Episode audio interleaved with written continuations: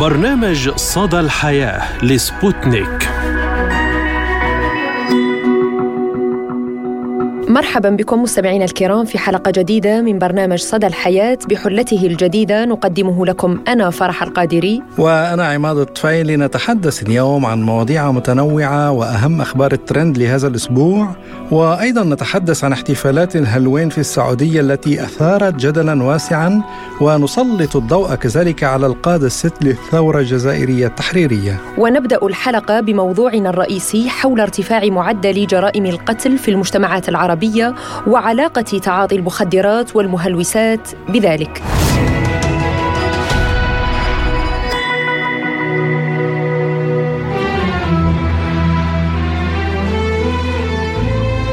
الجريمة والعقاب ليست فقط عنوانا لرواية الكاتب الروسي العظيم فيودر دوستويفسكي بل هي واقع نعيشه على اختلاف نوع هذه الجريمة. جرائم القتل مثلا والتي تزداد يوما بعد يوم في مجتمعاتنا العربية بشكل مخيف ولا رادع لمرتكبيها حتى لو كان العقاب شديدا. شهدت الدول العربية مؤخرا ارتفاعا كبيرا في معدل جرائم القتل لا سيما القتل العمدي فالعراق مثلا احتل الصدارة في جرائم القتل بمعدل 5300 جريمة قتل جنائية خلال هذه السنة وتعتبر الأعلى في تاريخ العراق والوطن العربي.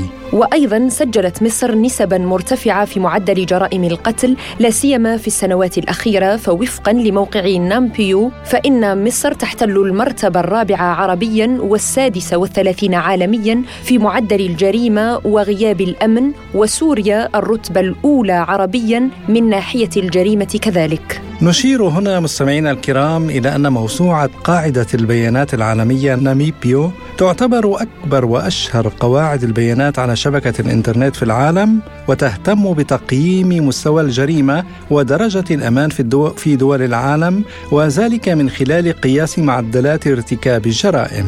ويعتمد المؤشر على معايير عديدة كجرائم القتل والسرقة والسطو والاغتصاب حيث يرتب الدول بمقياس يتراوح من صفر إلى مئة. وللإشارة أيضا أن نفس الموقع صنف دولة قطر على أنها الدولة الأكثر أمان أمنا وأمانا. حقيقة مستمعينا الكرام التغيرات التي شهدتها الدول سواء التي تعرضت للحروب أو تلك التي تعاني من أزمات اقتصادية وسياسية واجتماعية أكيد ساهمت في زيادة معدل الجريمة والإدمان وغياب الأمن.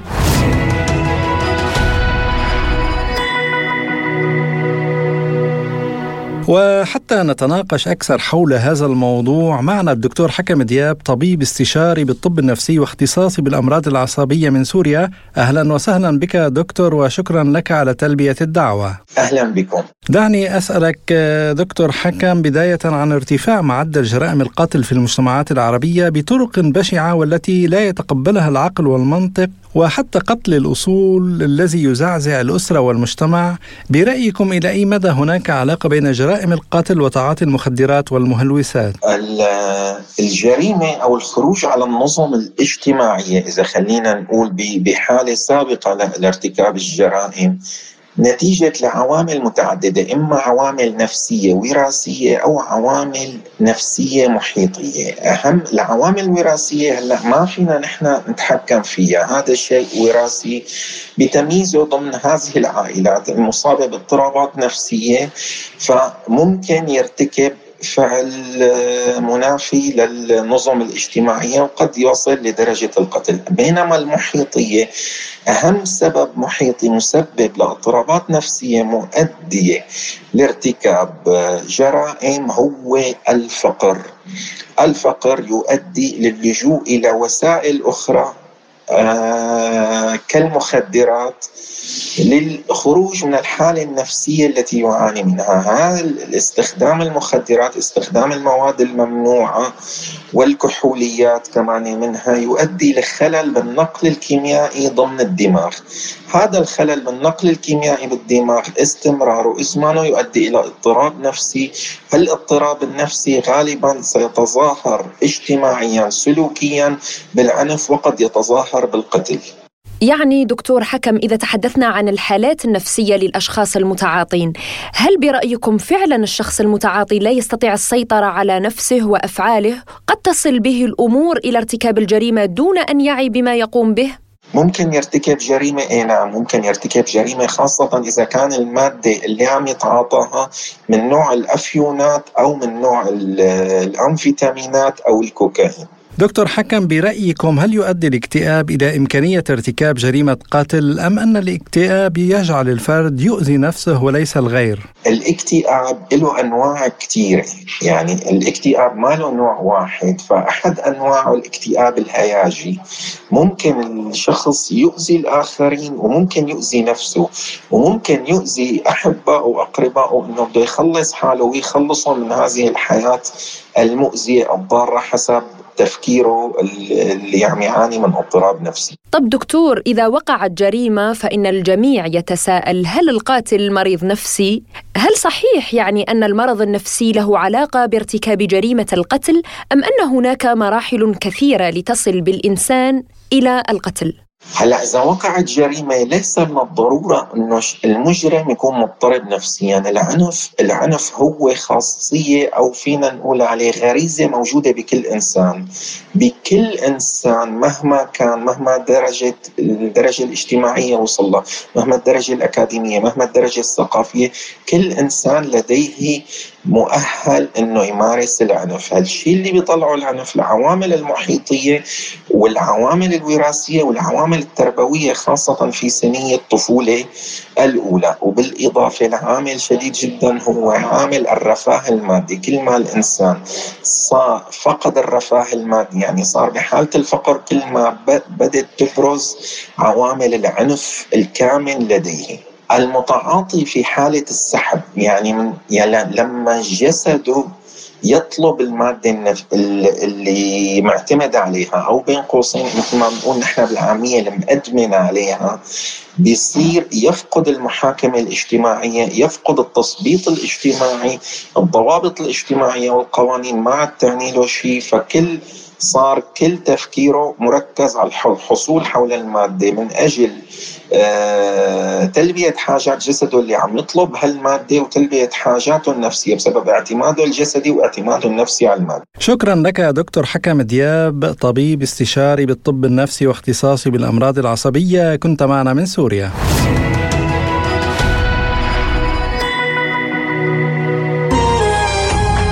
أيضا مستمعينا الكرام كما للجريمة أسباب ودوافع لابد أن يكون لها عقاب. للحديث أكثر ومناقشة هذا الموضوع تنضم إلينا من مصر المحامية المصرية دينا المقدم. أهلا بك سيدتي الكريمة. شكرا على تلبية الدعوة. أهلا بك. ميرسي فرح ميرسي. بالبداية يعني إذا تحدثنا عن الارتفاع المخيف لجرائم القتل لا سيما في الدول العربية ومصر تحتل رتبة يعني الرتبة الرابعة آه، على مستوى الجرائم بإختلافها. برأيك يعني كيف ينظر القانون والمشرع المشرع المصري لجرائم القتل. ما في شك إنه المشرع المصري والقانون المصري يضع عقوبات مغلظة وشديدة لجريمة القتل سواء كانت تحت تأثير المخدرات سواء كانت عن قصد ويسبقها الإصرار والترصد أو حتى عن طريق الخطأ. ولكن السؤال الأهم نعم. هل إحنا أو ارتفاع معدل جريمة القتل في الوطن العربي سببها إيه؟ لو جينا بصينا أو يعني نظرنا إلى معدل ارتفاعها هنلاقيها إنه هي بعد ارتفاع أو يعني بعد حدث ما يسمى بالربيع العربي. نعم. نظرا لارتفاع معدل العنف وممارسة العنف بشكل علني والتعبير عن الغضب بشكل مبالغ فيه. ناهيكي عن الأزمات الاقتصادية اللي مر بيها أو مرت بها المنطقة العربية بالكامل بالإضافة إلى آه، تصدير العنف الخارجي للوطن العربي بالإضافة إلى الخطاب الديني السيء الذي لسنوات طويلة كان بيحرض على آه، العنف بشكل علني وهذا يعني هذا أثر سلبا يعني نحن نعلم أنه الدول التي فيها الحروب أنا طول الوقت في خطابي الديني. بدلا من الحديث عن التسامح والتصالح والإنسانية والمحبة بتكلم طول الوقت عن واعدوا لهم من من الخيل ما استطعتم وقاتلوهم وإذا لقيت امرأة غير محجبة عنفها وإذا رأيت كل دي حاجات وترسبات بتخلي الإنسان بطبيعته يتحول لكائن عنيف حتى دون هو يعني من غير ما هو نفسه يبقى فاهم أو عارف نعم. فعلا آه، آه، بيتحول لشخص عنيف يعني لأنه في هذه آه. المرحلة الوعي لن يدخل كمان عندك نسبة كبيرة من الأمية ونسبة كبيرة من عدم الوعي والثقافة بشكل جيد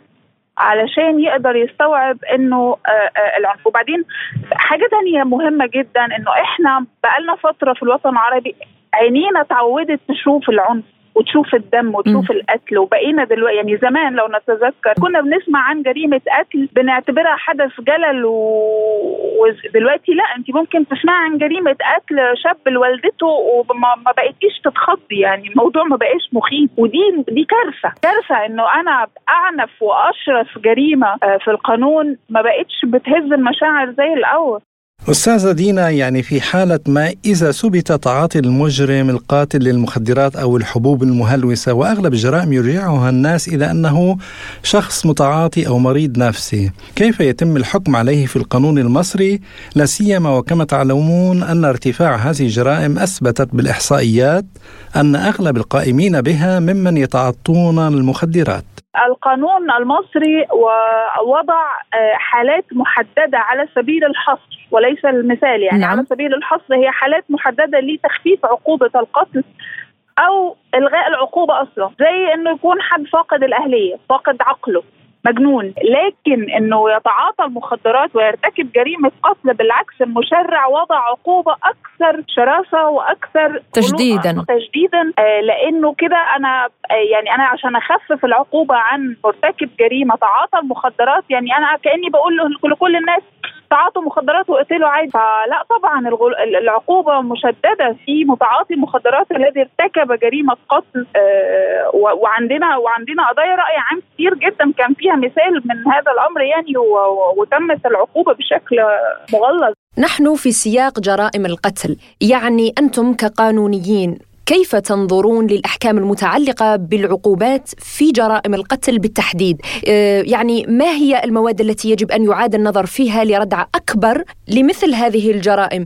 يعني كما ترون حتى لو أن العقوبة مشددة ولكن الجريمة في تزايد مخيف. عقوبة القتل أقصى عقوبة ليها بتبقى الإعدام. م. ولكن للأسف بعض الجمعيات والحقوقيين وخلافه بينادي بإلغاء عقوبة الإعدام تماما من آه، التشريعات العربية، لكن أنا ما أقدرش ألغيها لأنها عقوبة مغلظة. وفي بعض الأحيان عندما يتم تفشي أو انتشار لنوع جريمة ما بشكل مبالغ فيه فلا بد أن أضع عقوبة مغلظة للحد من هذه الجريمة. طيب أنا عندي جريمة الاكل دي ما أنا يعني إذا شخص أقدم على قتل الآخر بدون وجه حق أو بوجه حق ولم نعم. يلجأ إلى القانون ما أعتقدش إنه أنا هقدر آه، آه، ألغي عقوبة الإعدام لشخص قرر وأصر وترصد للآخر من أجل قتله. دي نقطة. النقطة الثانية آه، أو في في يعني من ضمن الحاجات اللي إحنا محتاجين النقاش فيها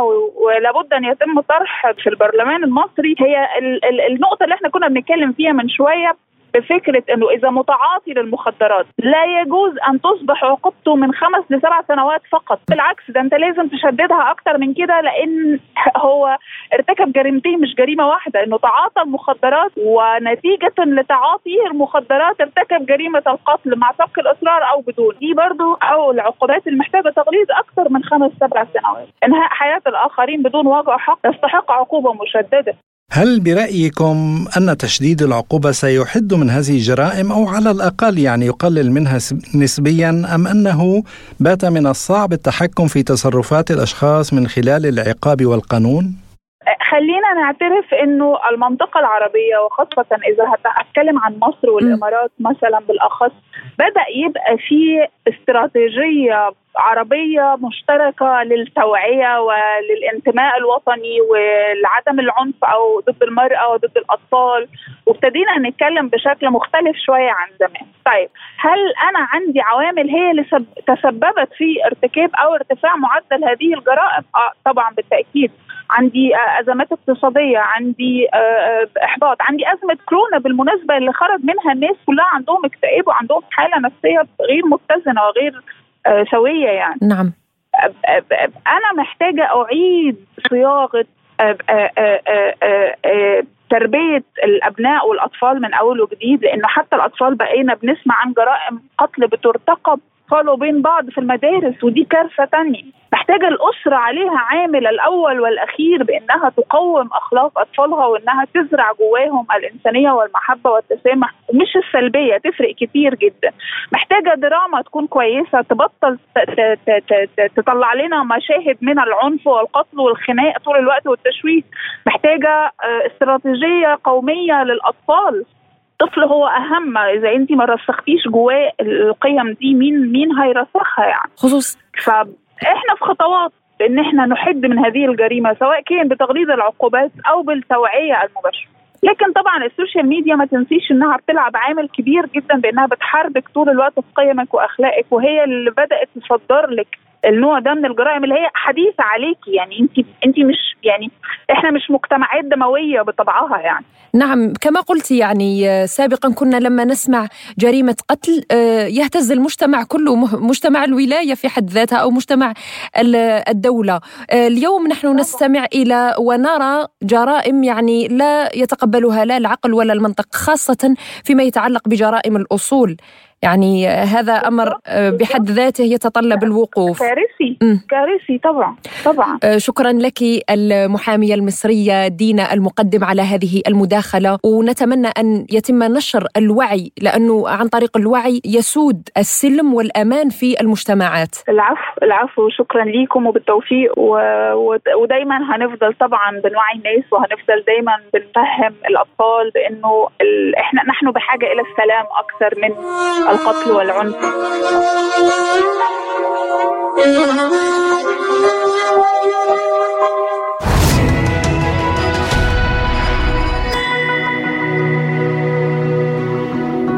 نواصل مستمعينا الكرام معكم حلقة اليوم بأهم الأخبار التي كانت ترند لهذا الأسبوع وما هو أول خبر لديك يا عماد؟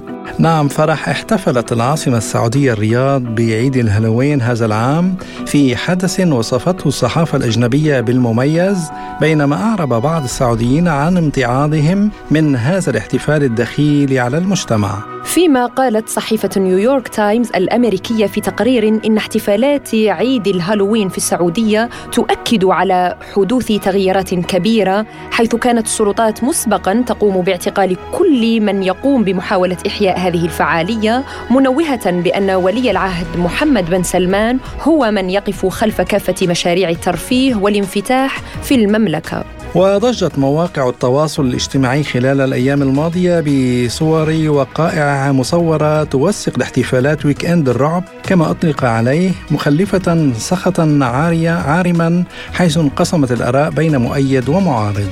فهناك من أشاد بهذه الاحتفالات معتبرينها فرصة للاستمتاع فيما انتقدها آخرون مستنكرين إقامتها في بلاد الحرمين على حد تعبيرهم كونها تخالف قيم وركائز الدين الإسلامي. ضاع المسلمون وباتوا ضلال وصار الحرام في عرفهم حلال. تجدر الإشارة إلى أن الهالوين بدأ كمهرجان وثني ينطق باسم ساهوين واحتفلت به شعوب الكلت في إيرلندا وبريطانيا القديمة. وهؤلاء الكلت اعتقدوا بوجود حاجز بين عالم الأحياء وعالم الأموات وأنه يزول أو يكاد في عشية ساهوين أي في الواحد وثلاثين من أكتوبر من كل عام فأرواح من رحلوا في العام المنتهي تكون عالقة ولا تغادر إلى العالم الآخر إلا في تلك الليلة. كما تأتي الأرواح الراحلة فتزور أهلها لذا وضعوا كراسي فارغة حول الموائد وتركوا أبواب البيوت مفتوحة. أما الأرواح الشريرة فقد أشعلوا النيران على قمم التلال لطردها وارتدوا الأقنعة لكي لا تتعرف عليهم. وبسبب قدوم الأرواح فإن هذه أفضل فترة للذهاب إلى الكهنة لمعرفة الأخبار المستقبلية عن الصحة والزواج والموت. ومن جهة أخرى انتقد الفريق ضاحي خلفان نائب رئيس شرطة دبي السماح للمسلمين باحتفالات الهالوين واصفا إياها بكارثة أخلاقية تضرب القيم العربية والإسلامية. وإلى مصر حيث توفي الشيف المصري الشهير أسامة السيد بعد صراع مع المرض عن عمر 65 عاما وفقا لما أعلنته الصفحة الرسمية الخاصة به على موقع على موقع التواصل الاجتماعي فيسبوك.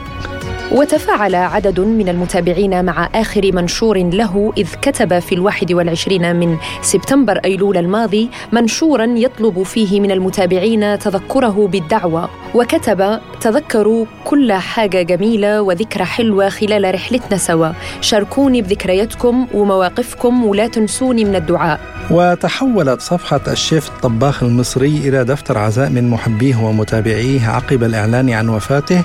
والشيف أسامة السيد مصري الجنسية تعرف على موهبة الطبخ بعد أن أنهى دراسته بمعهد الفنادق بالعاصمة المصرية في عام 1979 والتي تفرض على طلابها التعرف على جميع خدمات ومرافق الفندقه ونبقى في مصر حيث شغلت عاملة نظافة من محافظة الإسكندرية مواقع التواصل الاجتماعي بعد عثورها على شيك بمبلغ مليون جنيه داخل حمام سيدات وسارعت لرده إلى أصحابه حتى تخلي مسؤوليتها وتؤدي واجبها. وأصيبت بالدهشة من ضخامة المبلغ وهو مليون جنيه لكن دهشتها تضاعفت عندما اكتشفت أنه محرر لحامله ويمكن لأي شخص صرفه من البنك. يعني هنا آه، يعود يمكن لأخلاق هذه العاملة آه، في رد الأمانة والتصرف بهذا النبل. حقيقة مبلغ ليس بالقليل ومغري آه، خصوصا لي يعني هي عاملة نظافة شخص بسيط.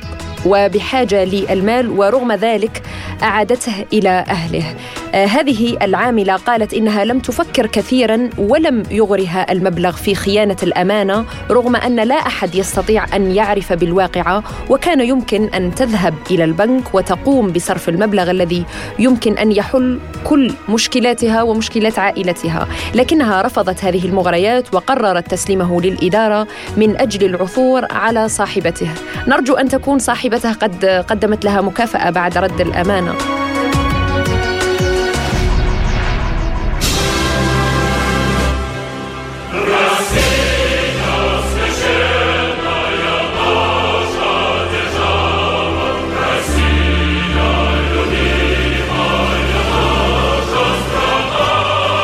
وإلى روسيا حيث احتفلت يوم الجمعة الماضي بعيد الوحدة الشعبية بمناسبة ذكرى قيام وحدات المقاومة الشعبية الروسية بقيادة كوزمان مينين ودمتري بوجارسكي بطرد القوات البولندية من موسكو في الرابع من نوفمبر عام 1612 وبمناسبة هذا العيد الذي تم تبنيه رسميا عام 2004 وضع الرئيس الروسي فلاديمير بوتين رفقة وزيرة الثقافة الروسية أولغا ليوبيموفا وممثلين عن المنظمات الشبابية إكليل زهور على نصب تذكاري لمينين وباجارسكي في الساحة الحمراء وسط موسكو.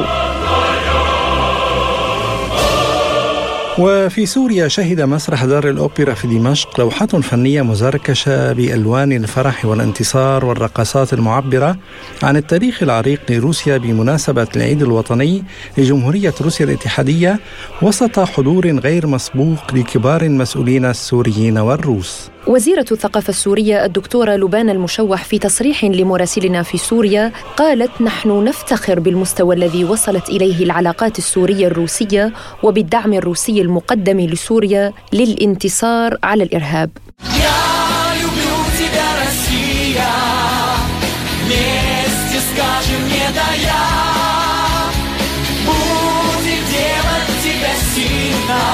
процветания тебе моя رقم قياسي جديد أكبر تجمع لأشخاص يحملون نفس الاسم واللقب. حطموا رقما قياسيا بمجرد جلوسهم داخل نفس القاعة. على اختلاف دروبهم في الحياة اجتمع 178 شخصا يحملون نفس الاسم واللقب. هيروكازو تاناكا داخل قاعة في طوكيو بينهم طفل في الثالثة ورجل يبلغ من العمر 80 عاما. بهدف تسجيل رقم قياسي جديد في موسوعة جينيس. الرقم القياسي المسجل سابقا كان لتجمع من 164 امرأة يحملن اسم مارتا ستيوارات وفشلت محاولات أخرى لتحطيم هذا الرقم في وقت سابق.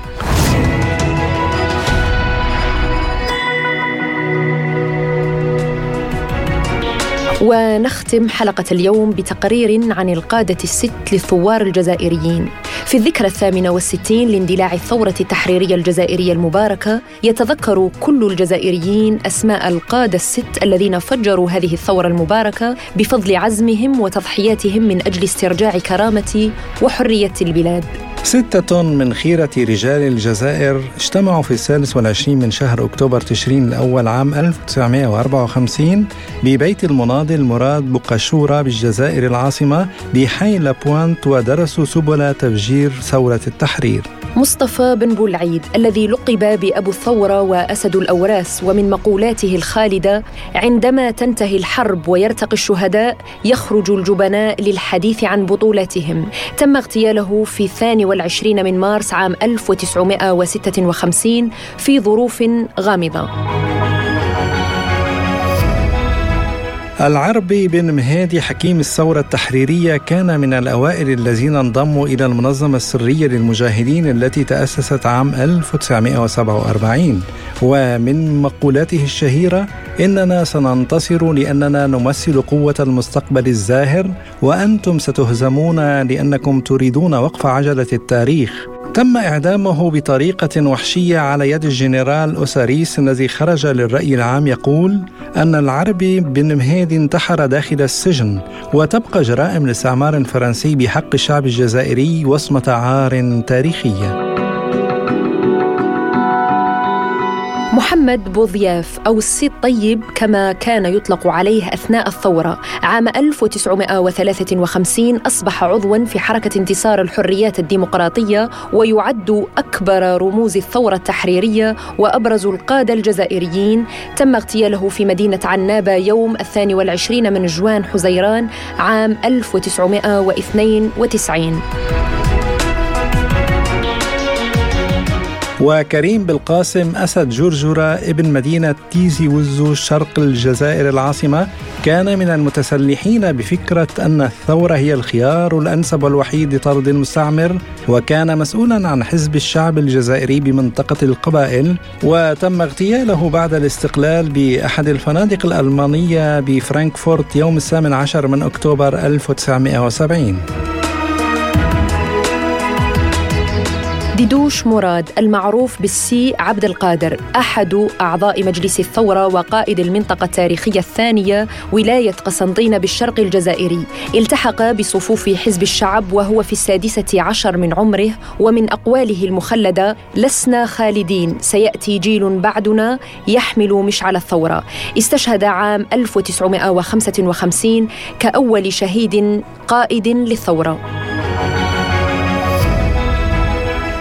ورابح بيطات من بين مجموعة الاثنين وعشرين والقادة الستة الكبار وأحد الأعضاء المؤسسين للجنة الثورية للوحدة والعمل تولى إعطاء إشارة انطلاق الثورة وسط العاصمة الجزائر طاردته قوات الاستعمار الفرنسي وحكمت عليه بالسجن المؤبد ثم أطلق سراحه بعد وقف إطلاق النار في مارس 1962